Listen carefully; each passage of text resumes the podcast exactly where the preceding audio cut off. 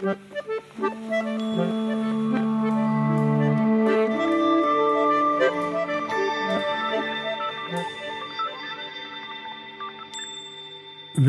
til podkasten Ytringsklima.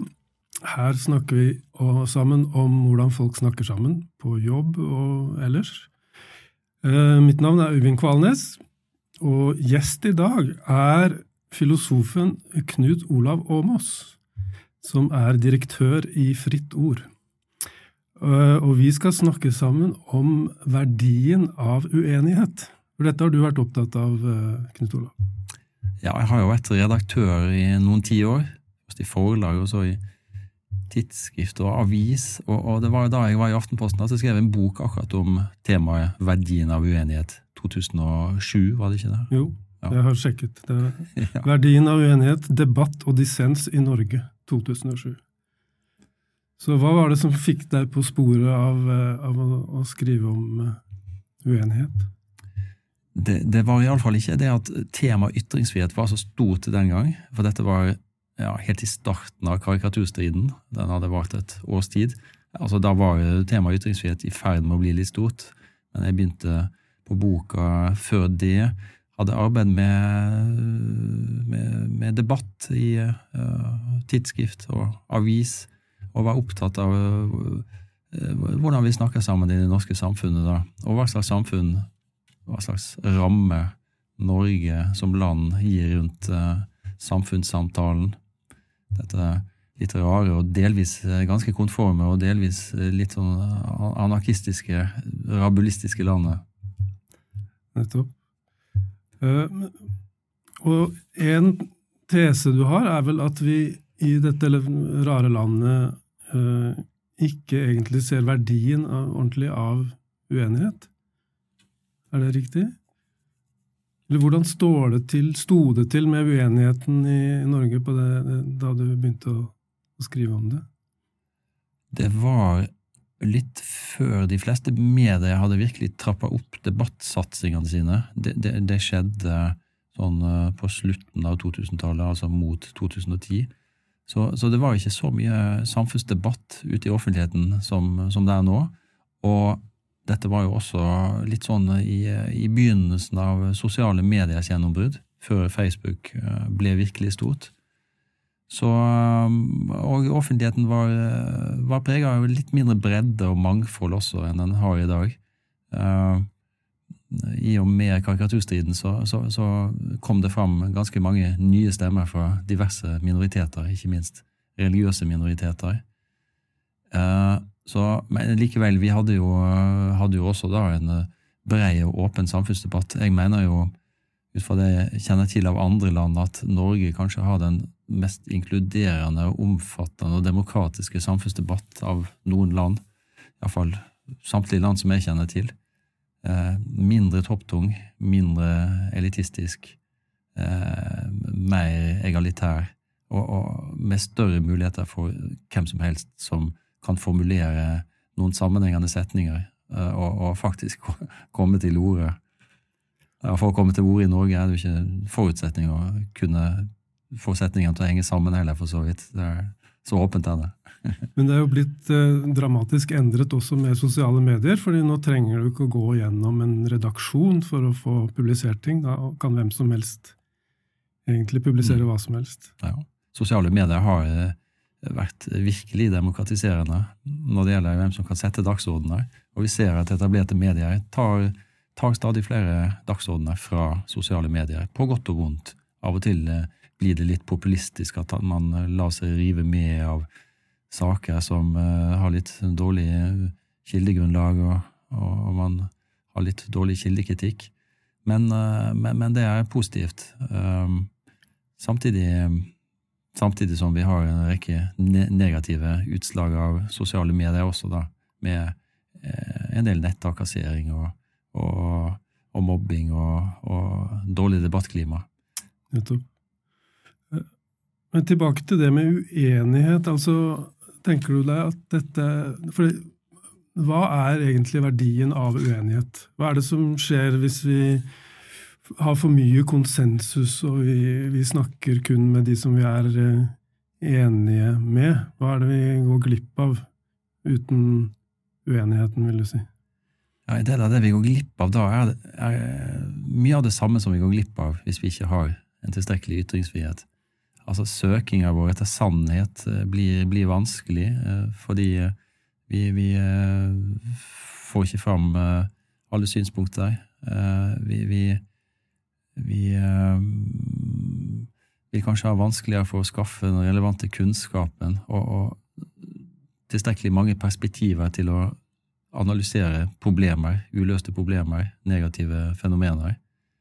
Og vi får kanskje ikke fram så godt heller de reelle konfliktene som preger et samfunn. Så um, ja, det er uh, Uenighet er på en måte selve, selve, selve motoren i å vinne innsikt og, og, og lære noe, og, og, bygge stein på stein i søkinga etter, etter sannhet. Og iallfall midlertidig sannhet. Akkurat. Uh, når jeg har jobbet med denne tematikken i det siste, så har jeg hentet fram igjen eh, Arne Næss sin bok Livsfilosofi. Og du, du, hadde en finger med i spillet da den ble, boka ble til. Eh, hvordan ser du på Næss sin eh, posisjon her når det gjelder uenighet?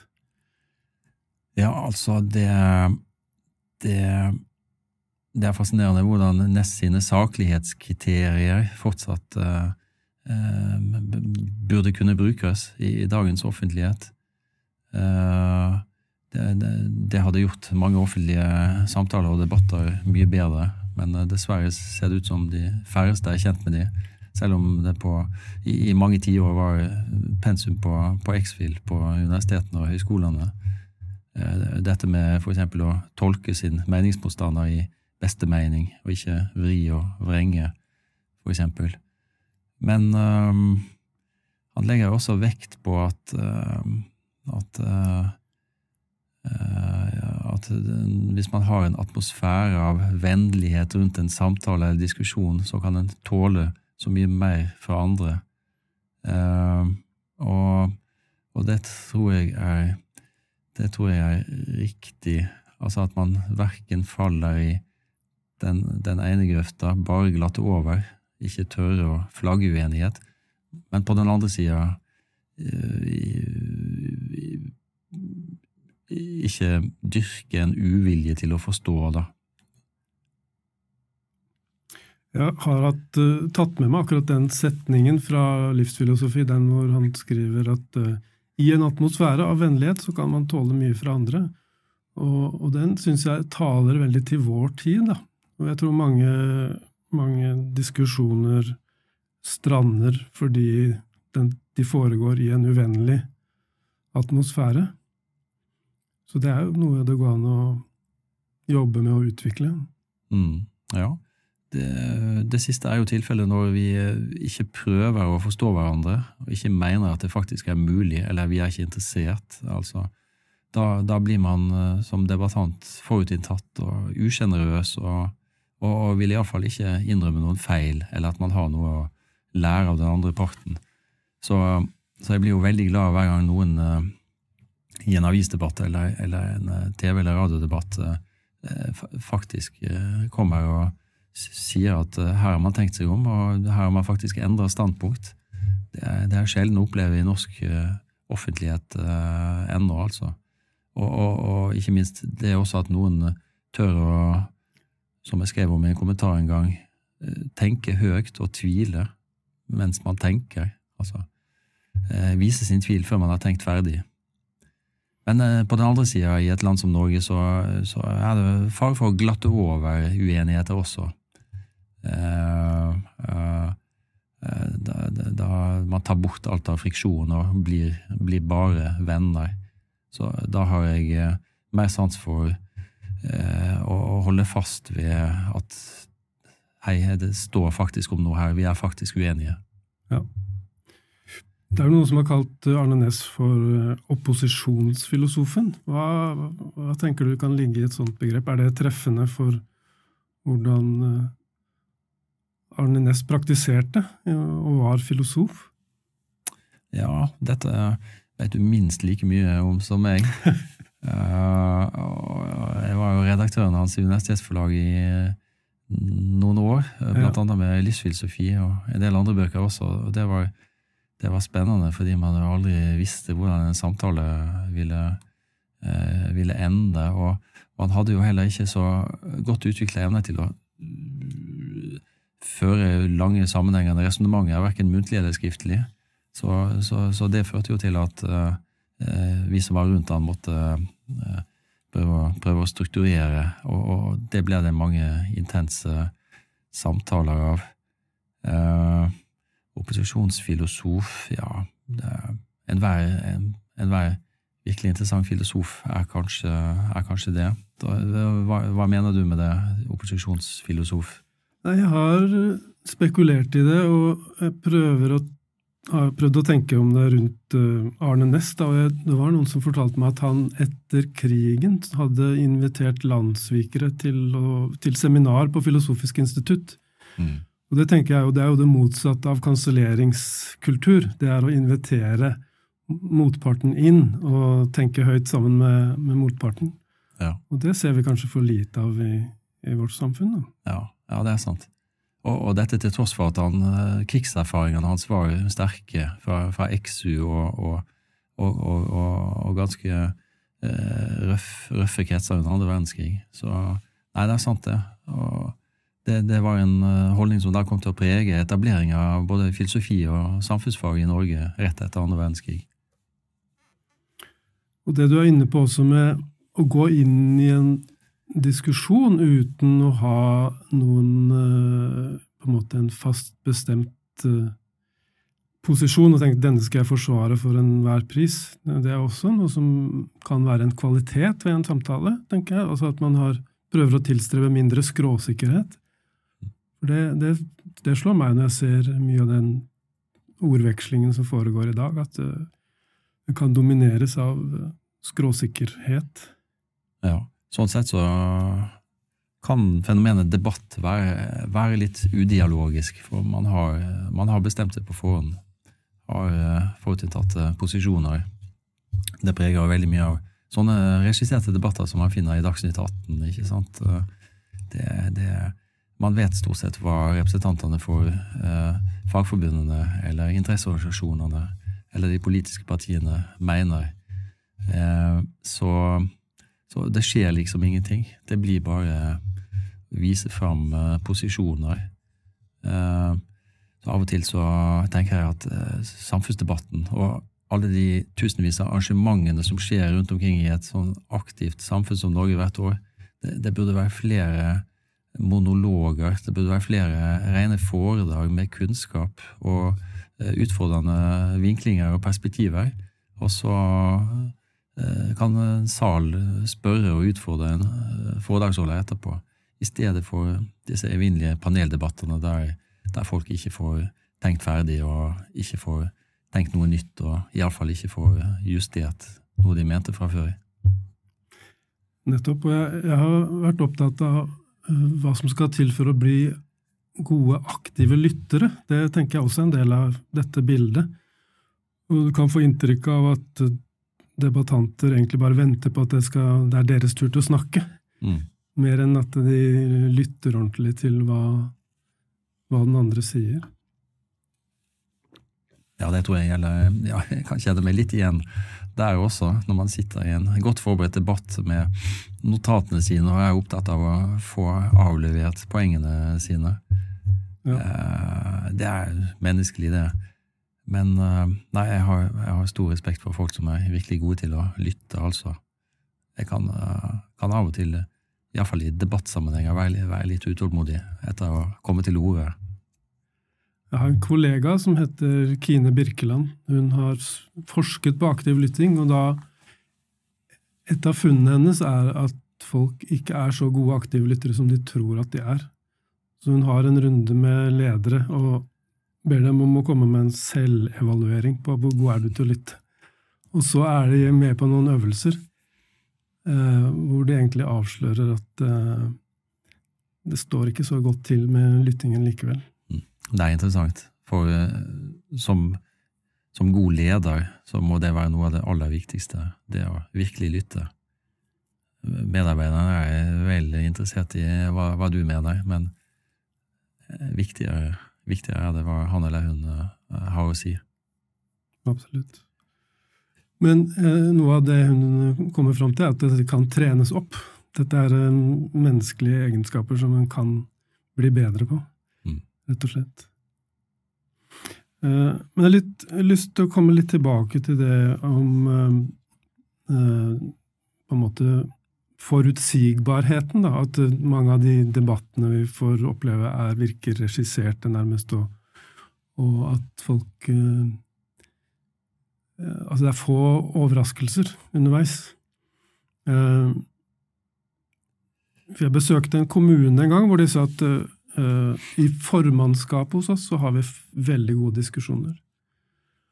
For da er det ingen mikrofoner på, og vi kan være usikre, vi kan gi komplimenter til motparten, vi har en større frihet. Men når vi er i kommunestyret, så er eh, alt overføres, alle kan siteres på alt de sier. Så da er vi skråsikre, og da holder vi igjen komplimenter til eh, motparten. Og, og, og, så jeg har fundert på hva er det som skal til for at vi får mer av den kvaliteten som de beskriver i formannskapet. Uh, hva, tror du, hva, tror du, om det? Mm, vanskelig Ja, vanskelig spørsmål. Jeg vet ikke hva jeg skal mene om det. Det, det peker iallfall i retning av at uh, trygghet på en eller annen måte er en forutsetning for å tørre å være ærlig. Og det har kanskje noe med det å gjøre at eh, for de fleste av oss er jo risikoen for å bli utsatt for kritikk eh, eh, det, er noe ganske skummelt. Det er en av grunnene til at jeg tror mange av oss i et land som Norge har litt problemer med, med, med uenighet i praksis, fordi det ofte vil arte seg som kritikk, og, og, og det Selv de tøffeste av oss øh, øh, sliter med å, med å, ta kritikk bare, bare, saklig, og at det ikke berører oss som uh, mennesker og personer. Uh, vanskelig rent psykologisk å ta lett på, eller ta inn over seg på en konstruktiv måte. Mm. Psykologen Guro Øyestad har skrevet en god bok om, om, om dette fenomenet kritikk. Ja. Jeg har også hatt besøk i podkaststudio av Fanny Duckert. Hun satt i den samme stolen som du sitter i nå. Og da var jeg nettopp nysgjerrig på hvordan vi kan bli dyktigere på å ta imot kritikk. Og, og det som jeg husker best fra den samtalen, var at hun sa at det er om å gjøre Du trenger ikke svare opp kritikken med en gang. Du kan la den synke inn og si at jeg, dette vil jeg gjerne komme tilbake til deg på. Og, eh, jeg tror mange kanskje opplever kritikk som noe de må svare på med en gang, og skyte tilbake. Eh, så man kan, hennes råd var jo å gi deg selv tid, på en måte. Mm. Virker som en klok eh, dame. For, for, dette er virkelig godt og enkelt råd, altså. Bare la tida gå. Eh, sov på det. Eh, kom tilbake til det. Eh, da, da, da, da, tror jeg mange vil unngå, unngå den fella og fristelsen det er å, å, begynne å forsvare seg og å forklare seg. Eh, og, og, for hvis man bruker kreftene på det, så, så, blir det jo mindre å lære også av, av, av det som nettopp er sagt kritisk. Så det, det er et uh, veldig godt råd, altså. Mm.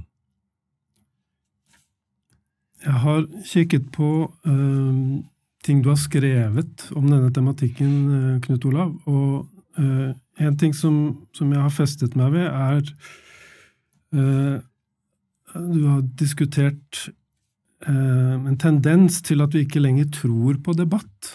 At vi tenker på at det er ikke noe vits i å lytte til den andre parten eller invitere til samtale, fordi vi forstår ikke hverandre likevel.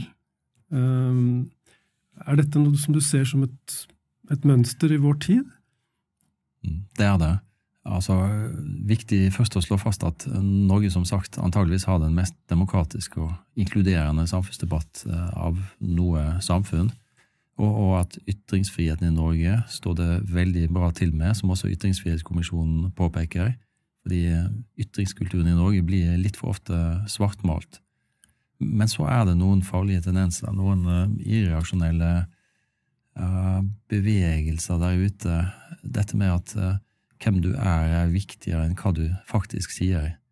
Altså, hvis du ikke har en viss bakgrunn og erfaring, hvis du ikke er av en viss etnisitet eller religion eller sosial bakgrunn, så kan, ikke, så kan, du ikke mene det ene eller det andre om det og det.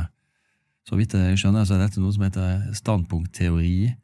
Eh, og det, det at man ikke da kan snakke med Snakke om, hvis man ikke har den riktige eh, bakgrunnen.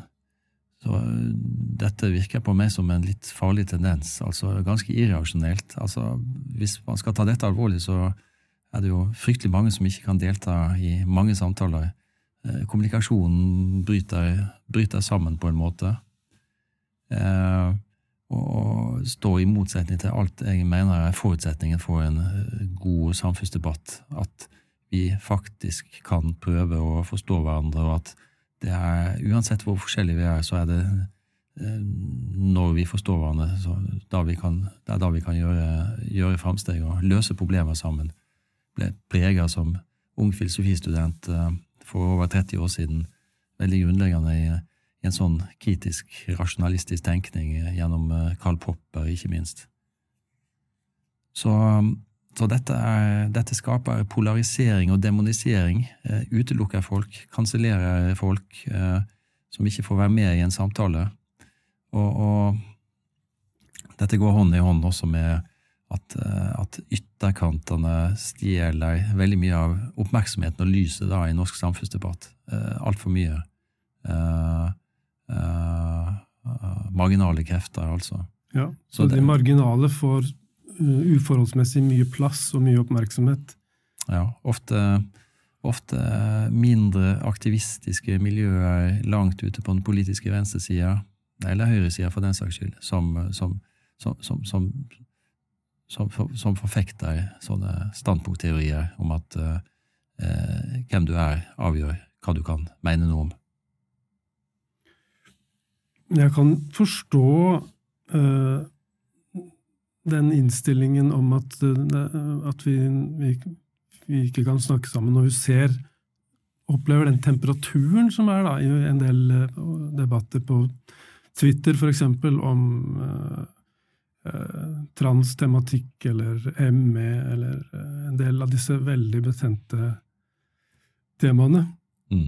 Så folk virkelig går løs på hverandre. Så jeg, jeg, jeg, er også litt sånn pessimist med tanke på å, å, å skape grunnlag for en uh, saklig samtale i det feltet, i de feltene. Ja, det, det, er, ja det, er, det, er, mye som hindrer god kommunikasjon eh, i, i, på disse følsomme feltene. altså. Transdebatt er et opplagt sånt. Og det er blitt flere og flere av disse betente feltene der, der, der det er veldig vanskelig å få til uh, saklig uh, debatt. Det gjelder klima, det gjelder alt som har med kjønn og seksuell orientering å gjøre. Uh, og, og, det går heller ikke an å diskutere journalistikk eller, eller vitenskap på, på, på, enkelte områder på, på en saklig måte. Så, så, kampen om hva som er riktig kunnskap, er i seg sjøl blitt en ideologisk kamp. Det som jeg syns er spennende med, med, forskningen rundt bl.a. Uh, eh, kommunikasjon i sosiale medier, det er jo at det, det, blir mer av det vi ser rundt oss. Slik at uh, det vi ser av atferd, er på mange måter smittsomt. Eh, men, men, jeg ser også et håp der, da, for jeg tenker tilbake til Arne Næss og dette med å skape en vennlig atmosfære. Så er det sånn at hvis vi utsettes for vennlig friksjon, og ser eksempler på vennlig friksjon rundt oss, så er det også noe som kan smitte over og inspirere og eh, skape nye orienteringer, på en måte. Ja. og det, som, det som ødelegger, destruerer mange samtaler på Twitter, er jo at uh, det, for, det, er for mange aktører der som, som, ikke, som, ikke, ønsker tilnærming og forståelse. Altså, det, det er knallharde aktivister, og det er eh, brutale meningsmotstandere. Altså, det, det, er ikke noe sånn fellesfelt der de forsøker å møtes. Så øh, Sånn sett så kan, kan en del sosiale medier virke rett og slett sementerende. Uh, men selv om det er vanskelig og krevende i praksis i en sånn kommunikasjonstid som vi har, som er litt polarisert rundt disse følsomme temaene, så, så, så, er det viktig å ikke gi slipp på tanken om at vi kan faktisk, hvis vi vil.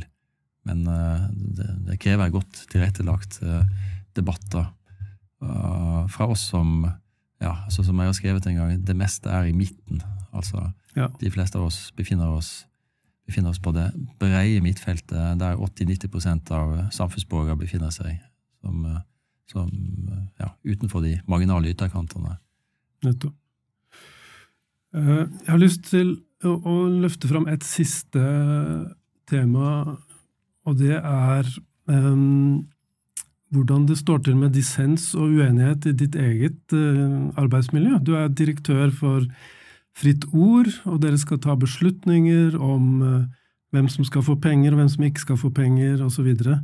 uh, så du er jo også avhengig av at det er et miljø for å være uenig med deg, og at det kan være dissens internt. Så hvordan hvordan eh, fungerer det i, hos deg? Ja, altså fritt ord som eh, hva skal vi se, eh, si, miljø, det, det, det, er jo omgivelsene våre, alle de tusener av mennesker som hvert år foreleser til oss i form av søkere eller mm, besøkende, eller deltakere i prosjekter. Det, det, er det er en viktig del av omgivelsene våre, der, der det må være en uenighetskultur og så er Stiftelsen Fritt Ord en veldig liten arbeidsplass. da. Vi har 9,7 årsverk eh, og et styre på syv personer. Så det er, det er eh, små miljøer. Men eh, det, er, det, er, virkelig steder for uenighet og, og dissens. og sånn må det selvsagt være i, i en ytringsfrihetsstiftelse. Eh, og som leder er det da selvfølgelig veldig viktig å vise eh, at en faktisk vil ha kritikk og dissens. Eh, og, og, altså ikke bare si det, men faktisk sitte der og lytte. Og, og, hvis man merker at det er noe skuring, prøve å lirke fram uenigheten eller kritikken. Og, og, så ta følgen av den også, da. Og, og ja, jeg vet ikke om jeg er så klok selv etter noen tiår som leder, men eh, jeg føler meg iallfall klokest eh, de, i de øyeblikkene jeg skjønner at uh, medarbeideren min har bedre argumenter enn jeg har, og har rett. Og, og gleden ved det å gi seg, rett og slett, ved å si det, ja, det blir, du, det blir som du vil, ikke som jeg vil i dette tilfellet, for du, du har du har, har, de beste argumentene og ser dette eh, mest relevant. Det, da, da, føles ledelse også eh, mest meningsfullt, og, og, og kritikk eh, viser seg å virke. Det er spennende å høre. Du, får jo eh, faktisk da i din jobb mulighet til å praktisere det vi snakker om her. Det er ikke kun et, eh, en abstrakt filosofisk øvelse. Nei og å legge til rette for at så mange andre rundt en uh, uenighetsstiftelse som, som Fritt Ord kan, kan, gjøre det samme. Og apropos arbeidsliv, altså Fritt Ord er en arbeidsplass. Uh, er det noe som opptar meg som et viktig ytringsfrihetstema i Norge, så er det dette med ytringskultur i arbeidslivet. Altså ikke bare varsling, men ytringsklimaet rundt omkring på arbeidsplassene. Man kan si at nettrakassering er et viktig ytringsfrihetsproblem i Norge, men det kommer ikke i nærheten av ytringsmulighetene på arbeidsplassene. Det, det, det, det gjelder jo noen millioner mennesker eh, eh, hver eneste arbeidsdag. Og Eh, før denne samtalen så bladde jeg litt i boka mi 'Verdien av uenighet', og la, la merke til at jeg var opptatt av det temaet allerede da. Det har blitt enda viktigere de siste årene. Vi har fått et mer autoritært arbeidsliv. Eh, Fritt Ord har finansiert forskning fra Fafo de siste ti år, eh, med noen punktnedslag sånn 2013 og 15 og 17 og 19. Og, og utviklingen og de kvantitative resultatene disse årene viser altså at eh, varslere får mer av sanksjoner og represalier mot seg. Eh, det er blitt vanskeligere å si fra. Og, særlig virker det som dette gjelder offentlig sektor. Altså helt bærende institusjoner i samfunnet som politi og kommuneadministrasjoner og helse- og sosialvesen og, og skoleadministrasjoner. Massevis av lokale regler som begrenser arbeidstakernes ytringsfrihet. og og en eh, oppfatning av lojalitet som også står i strid med den enkelte persons uh, grunnlovsfesta ytringsfrihet. Så dette opptar meg sterkt, og jeg tror det vil bli et enda viktigere tema i årene framover. Ytringskultur i arbeidslivet. Det er jo spennende og gode nyheter for meg, for det er dette jeg jobber med nesten eh, eller hver dag, egentlig.